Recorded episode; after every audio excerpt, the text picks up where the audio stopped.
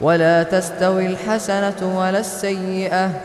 ادفع بالتي هي أحسن فإذا الذي بينك وبينه عداوة كأنه ولي حميم. في المعاملة تعامله معاملة الولي الحميم المصافي الذي هو أقرب شيء إليك وأصفى شيء في الود تجاهك وهو عدو لك.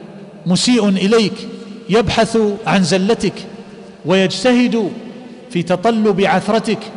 ومع ذلك فإن الله عز وجل يقول كأنه ولي حميم.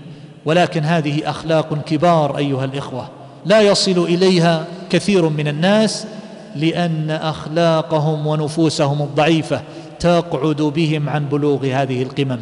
وما يلقاها إلا الذين صبروا. وما يلقاها إلا ذو حظ عظيم لأن الإنسان تتحرك نفسه إلى الانتقام ويتبرع كثير من الناس حوله يحرضونه ويحركونه إلى الانتقام وينهونه وينهونه عن العفو. وما يلقاها إلا الذين صبروا وما يلقاها إلا ذو حظ عظيم. وإما ينزغنك من الشيطان نزغ فاستعذ بالله لأن الشيطان لربما يحرك النفس ويقول إن عفوت عنه تطاول عليك وظن أن هذا من ضعفك ومن عجزك عن الانتقام وردعه ورده إلى حده. هكذا يريد الشيطان منك أن تهبط وأن تنزل مع الناس.